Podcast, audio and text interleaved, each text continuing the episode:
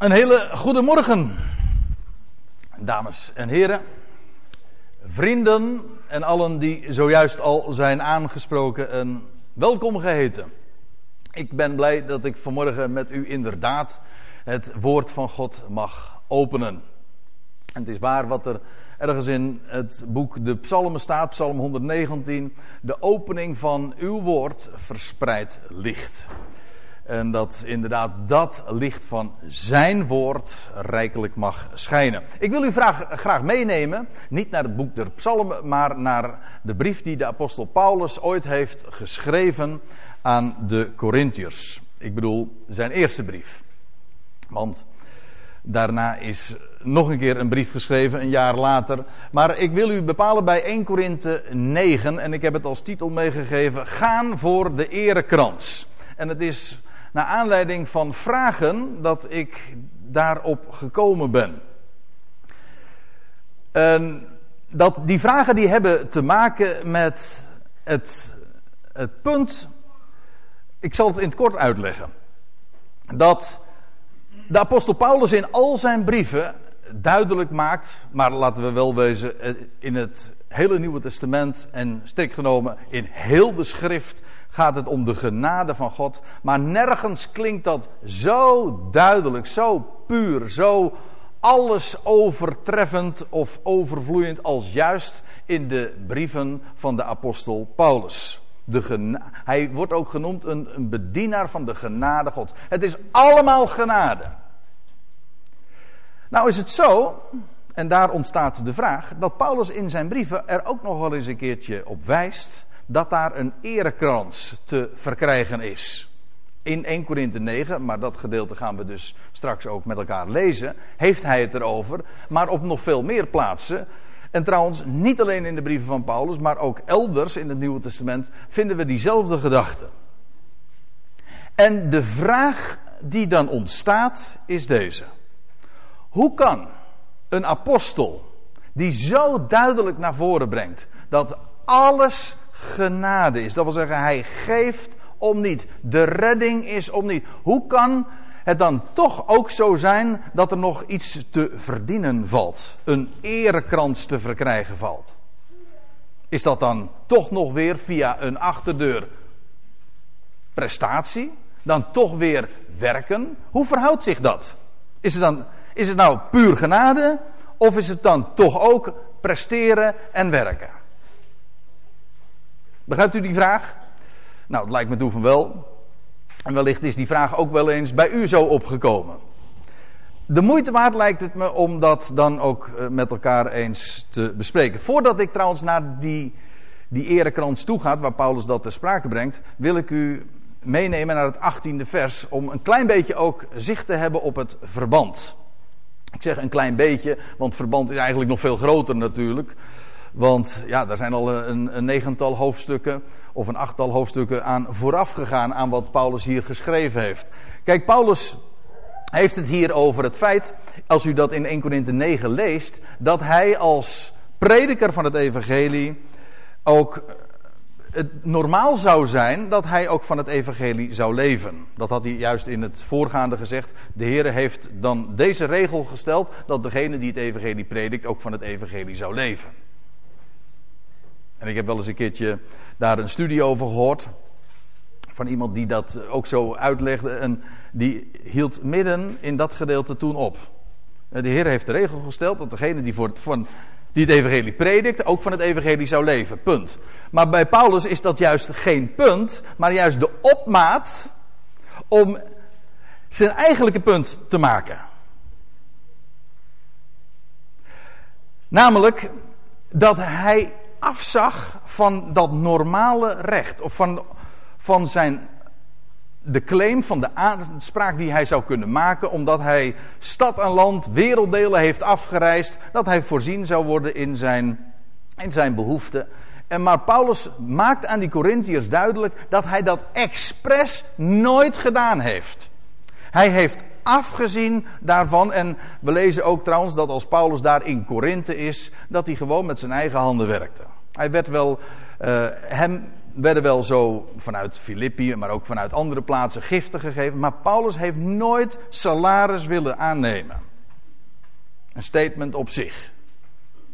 Dat de grote apostel, hij die, die zo zich heeft ingezet om de boodschap van Gods genade te prediken, hij heeft nooit daar salaris voor willen hebben. En waarom niet? Nou, dat legt hij schitterend uit in, in, in dit gedeelte en daarom val ik in in vers 18. Paulus zegt dan, wat is dan mijn loon? Dat, hij zegt, wat is dan mijn verdienste? Of eh, waar gaat het mij dan eigenlijk om? Wat win ik ermee? En dan gaat hij het antwoord geven. Dit. Door mijn evangelieprediking, het evangelie om niet te mogen brengen en zo van mijn bevoegdheid als evangelieprediker geen gebruik te maken. Hij bedoelt daarmee zijn bevoegdheid, namelijk om aanspraak te maken op loon, op salaris. Een arbeider is een loon waardig, waarom hij dan niet? Hij zegt, ik heb daar juist van afgezien. Waarom? Nou, hier legde hij dat in één zin zo treffend uit. Hij zegt, om het evangelie om niet te brengen. Dat is dubbelzinnig, hè? Maar juist die dubbelzinnigheid is de, is de oplossing ook van de vraag waarom hij dat zo formuleert. Kijk, Paulus predikte het evangelie om niet. Dat wil zeggen, het evangelie is de boodschap om niet. Gratis. Al, het is inderdaad 100% gratis. En wat Paulus voor ogen stond, is dat evangelie om niet ook te brengen. Over design gesproken, over uh, tot uitdrukking brengen dat waar het in de boodschap ook om gaat.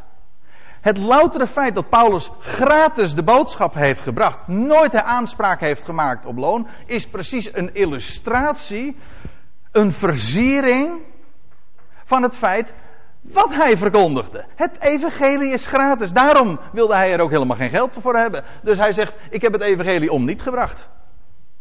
En dat om niet kun je laten slaan op de inhoud. Ja, maar ook op de wijze waarop hij het gebracht heeft. Hij deed dat om niet. Hij zegt, en dat is mijn loon. Dat wil zeggen, daar doe ik het voor. Alles doe ik ter wille van dat evangelie. En als ik het zo zeg, dan grijp ik al even vooruit op wat hij gaat formuleren in het navolgende. Want dan zegt hij in vers 19. Want hoewel ik vrij sta tegenover allen. Paulus was een vrij man. Dat, dat wilde hij juist ook zo. Paulus legt zo'n grote nadruk, ook in deze brief, op hoe belangrijk het is om als gelovige vrij te zijn. Ook tegenover mensen. Wees, hij zegt een twee hoofdstukken eerder, wees geen of word geen slaaf van mensen. Zorg ervoor dat je vrij bent. Dat je kan gaan en staan wat je, waar je wil. Maar ook dat je kunt zeggen wat je wil. Want u weet trouwens hoe dat zit, hoe gevoelig de relatie is tussen prediking en eh, een boodschap uitdragen en geld. Hè? Het is, een, het is een heel bekend spreekwoord. Dat is niet eens een, een, een kerkelijke of een, of een religieuze uitspraak, maar dat is, die luidt: wiens wiens brood men eet, wiens woord men spreekt. En Paulus zegt: Ik ben vrij. Ik kan vertellen wat ik wil. Ik ben ook aan niemand iets verplicht. En dat is voor Paulus zo'n fundamentele kwestie in zijn leven geweest. Wees zuinig op je vrijheid. Laat je geen wetten opleggen. Zegt hij later tegen de gelaten ook. Laat je geen juk opleggen. Dat, dat, ligt zo voor de hand. Ook, ik bedoel, niet alleen als prediker, maar als gelovige. Dan, dan, dan kom je bij elkaar en dan zeg je van, nou ja, en dat, daar kun je ook een juk van maken. Dan maken we een, een, een, organisatie ervan. En waar je lid van kunt worden, waar je dus ja, toegelaten moet worden. En waar je ook weer uitgeschreven kunt worden, wanneer je niet voldoet aan de regels. Het is allemaal onderwerping aan dat wat mensen ervan maken. Er bij elkaar komen is heerlijk om elkaar te ontmoeten. Maar nou, die vind ik wel mooi, hè? Te ontmoeten. Daarom komen we bij elkaar. Om de last van dat moeten juist van ons te werpen. In vrijheid samen te zijn en elkaar te wijzen en aan te moedigen hoe rijk we zijn. Dat is echt ontmoeting. Ja.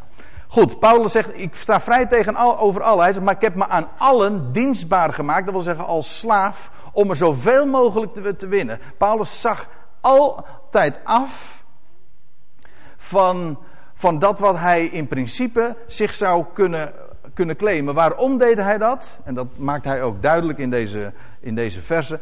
Om zoveel mogelijk mensen te winnen. En dat gaat hij dan ook toelichten. Hij zegt in vers 20. Ik ben voor de Joden geworden als een Jood. Hij was een Jood van natuur, ik bedoel van huis uit. Sterker nog, hij had het ooit in het Jodendom verder gebracht dan vele van zijn tijdgenoten, zegt hij, elders. Maar goed, inmiddels was, had Paulus met recht het licht gezien. En dus dat telde voor hem niet meer. Maar als het erom ging om Joden te winnen, wat deed hij dan? Nou, hij zegt, dan ben ik voor de Joden een Jood geworden. We lezen daar trouwens in het boek Handelingen ook een prachtig voorbeeld van. Meer dan eens trouwens. Maar als hij dan op een gegeven ogenblik in aanraking komt met Timotheus. Die een, wel een Joodse moeder had, maar geen Joodse vader. Dan lees je dat Paulus Timotheus laat besnijden. Niet omdat hij vindt dat Timotheus besneden zou moeten worden. Want hij staat daarin vrij. Nee, hij, daar staat er uitdrukkelijk bij. Ter wille van de Joden. Deed hij dat. Gewoon om geen struikelblok daarom te vormen. Hij zegt, ik ben voor de Joden geworden als een Jood. Waarom? Om Joden te winnen. Om hun die onder wet staan. Ja, onder de wet zeggen de vertalers, maar eigenlijk dat de, dat staat er niet eens. Gewoon om hen die onder een last staan. Een juk, een godsdienstig juk. Dat zijn de zwaarste jukken trouwens. Want ja, daar rust een goddelijk claim op. Althans, dat is de aanspraak dan. Om hun die onder wet staan als onder wet. Hij zegt, hoewel persoonlijk niet onder de wet. Nee, daar gaat het niet, helemaal niet om. Het ging er niet om dat hij zelf niet onder de wet. Hij was zelf vrij. Hij zegt, maar als het erom gaat om andere mensen te winnen, dan doe ik alles. Dan word ik de Joden en Joden, hun die onder een wet staan, ook onder de wet. Al was het maar om ze te winnen. Juist om ze te winnen voor die boodschap van evangelie om niet. Hun die zonder wet zijn, ben ik geworden als zonder wet. Ja, je leest, ik heb een plaatje hier. Dat is een plaatje dat, is, dat diende als illustratie van dat Paulus in Athene was. En dat hij daar op de Areopagus zijn verhaal mag doen. En dat hij daar getuigt van de God die hij kende. Hij, hij is daar, en hij heeft daar gesproken met de filosofen van, van zijn dagen. En heeft hij daar wet gepredikt? Het kwam niet eens aan de orde. Maar Paulus zegt: Ik ben ook helemaal niet onder de wet. Nou ja, hij zegt: Oké, ehm, ik ben niet zonder wet van God hoor. Dus eigenlijk met een knipoog. Weet u waarom? Hij zegt: uh, Ik ben voor hun die zonder wet zijn, ben ik geworden als zonder wet. Hoewel niet zonder wet van God. Want, zegt hij: Ik sta onder de wet van Christus. Weet u wat er letterlijk staat? Er staat niet: Ik sta onder de wet van Christus. Hij staat letterlijk: Ik ben wettig van Christus. Dus heel wat anders, hè? Het is niet, ik sta onder de wet van Christus. Hij zegt, nee, ik ben wettig. In de, in Concordant version staat, I'm legally uh, of Christ. Ik ben legaal van hem. Ik ben wettig van Christus. Dus wil je een wet, prima. Ik ben wettig van hem. En niemand kan dat ongedaan maken. Ik ben zijn eigendom. Nou, hij zegt, ik ben uh, hen die zonder wet zijn, ben ik geworden als zonder wet. Waarom? Om ook hen te winnen. Ik ben in vers 22, ik ben voor de zwakken zwak geworden. Waarom? Om de zwakken te winnen. Dat had hij in het voorgaande juist uit, uitgelegd. Hoofdstuk uh, eh, 8 van de, dezezelfde brief. Waarin Paulus vertelt over mensen die moeite hebben om vlees te eten. Waarom? Omdat dat vlees dat daar in de, in Korinthe verkrijgbaar was, dat was eerst in een afgodentempel geweest. En sommige gelovigen hadden daar, of heel wat gelovigen hadden er moeite mee. met hun, sinds zij tot geloof gekomen waren in Christus en dat ze, nog maar één, dat ze maar één God kenden, om vlees te eten dat aan de afgoden geofferd is. Het idee was daarbij gewoon dat, en op zich is dat logisch, als wij één God kennen en geen afgoden erkennen, dan gaan we toch ook geen vlees eten dat aan de afgoden geofferd is. Dat is een hele logische gedachte, maar Paulus zegt, hij noemt het wel zwak. Waarom noemt hij het zwak? Omdat hij zegt, nou ja, alles is van hem. De, 1 Korinthe, hetzelfde 1 Korinthe 10 maakt hij dat duidelijk. Daar zegt hij, de aarde is er des Heren en haar volheid. Wij rekenen helemaal niet met afgoden. En het feit dat het in een afgodentempel is geweest. En dat het daar geofferd is aan afgoden, aan demonen. Dat zal ons een zorg zijn. Wij erkennen die helemaal niet. Wij hebben maar één God. Punt. Uitroepteken. Maar goed, als daar mensen zijn die daar moeite mee hebben, gewoon vanwege hun verleden, dan moet je daar begrip voor hebben. En Paulus zegt, ik ben voor de zwakke zwak geworden. Hij zegt, dan zal ik in de eeuwigheid, in de aion, zal ik geen vlees meer eten. Als ik hun, als ik, pardon, uh, als ik hen kan winnen. Daar ging het om. Hij zegt, ik ben voor allen alles geweest. Om in elk geval enige te redden. Dat wil zeggen, enige, te confronteren met die boodschap van de redder. Zo, een mens wordt immers gered door geloof. Om enige te redden. En ik heb, waarom ik dit plaatje nou erbij gedaan heb, heb. Dat is een chameleon, ja. ja. Die kom je hier in Nederland niet zoveel tegen. Uh, in de letterlijke zin bedoel ik. Uh, maar Paulus is, uh, ja, het wordt vaak negatief geïnterpreteerd, zo'n chameleon. Maar is eigenlijk, eigenlijk is precies wat, dit, dit wat Paulus doet. Hij is een chameleon. Hij paste zich aan. Hij bleef een chameleon hoor. Hij deed niks af van zijn identiteit. Maar hij paste zich aan aan zijn omgeving. Ik ben voor de zwakken zwak geworden. Hun die onder de wet zijn als onder de wet. Hun die jood zijn ben ik als een jood geworden. Het maakte hem allemaal helemaal niks uit. Want het is allemaal maar buitenkant. Het ging er maar om dat dat evangelie, dat machtige bericht van God die redt om niet, om dat te vertellen. En de buitenkant maakt daarbij geen enkel verschil en Paulus paste zich daarbij gewoon aan. Ik ben voor allen alles geweest. Alles doe ik, zegt hij dan vers 23, en dat is min of meer concluderend. Hij zegt, alles doe ik ter wille van dat evangelie. Dat wil zeggen, het goede bericht. Om er zelf ook deel van aan te verkrijgen. Hoezo? om er zelf ook deel aan te verkrijgen, had hij dan geen deel aan het evangelie?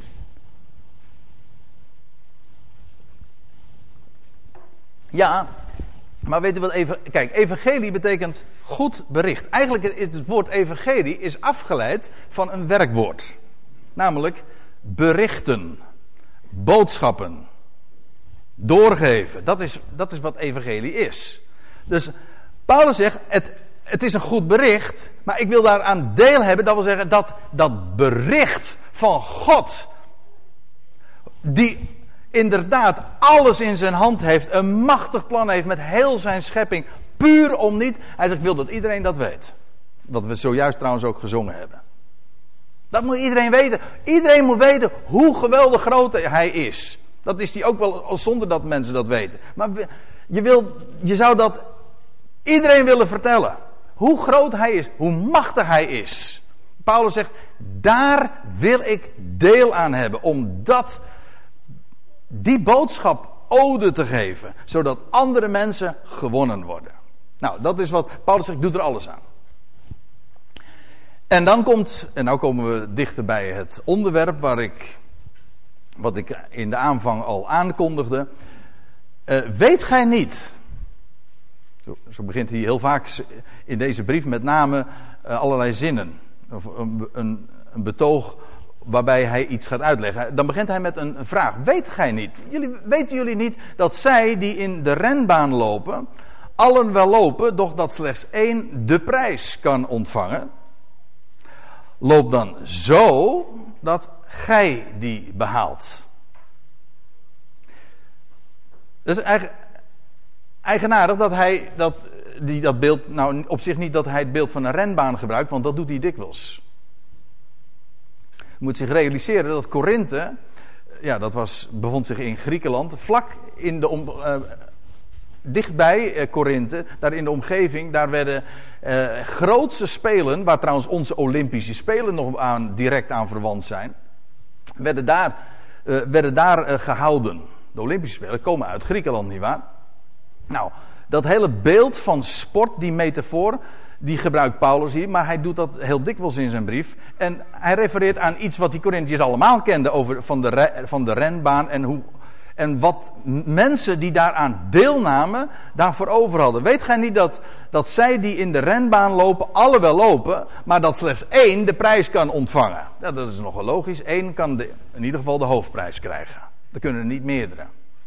Het idee daarbij is niet, en dat zegt Paulus ook niet, dat, er, dat wij in een renbaan lopen en dat er ook maar één is die, die prijs kan behalen. Maar hij zegt, wat hij wel zegt, dat is dat niet automatisch iedereen die prijs behaalt.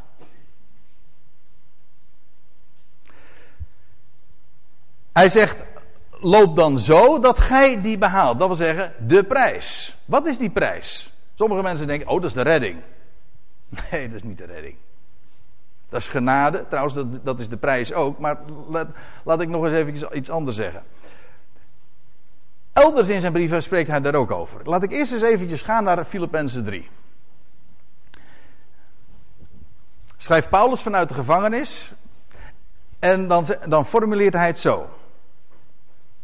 Paulus had maar één oogmerk. Eén ding doe ik.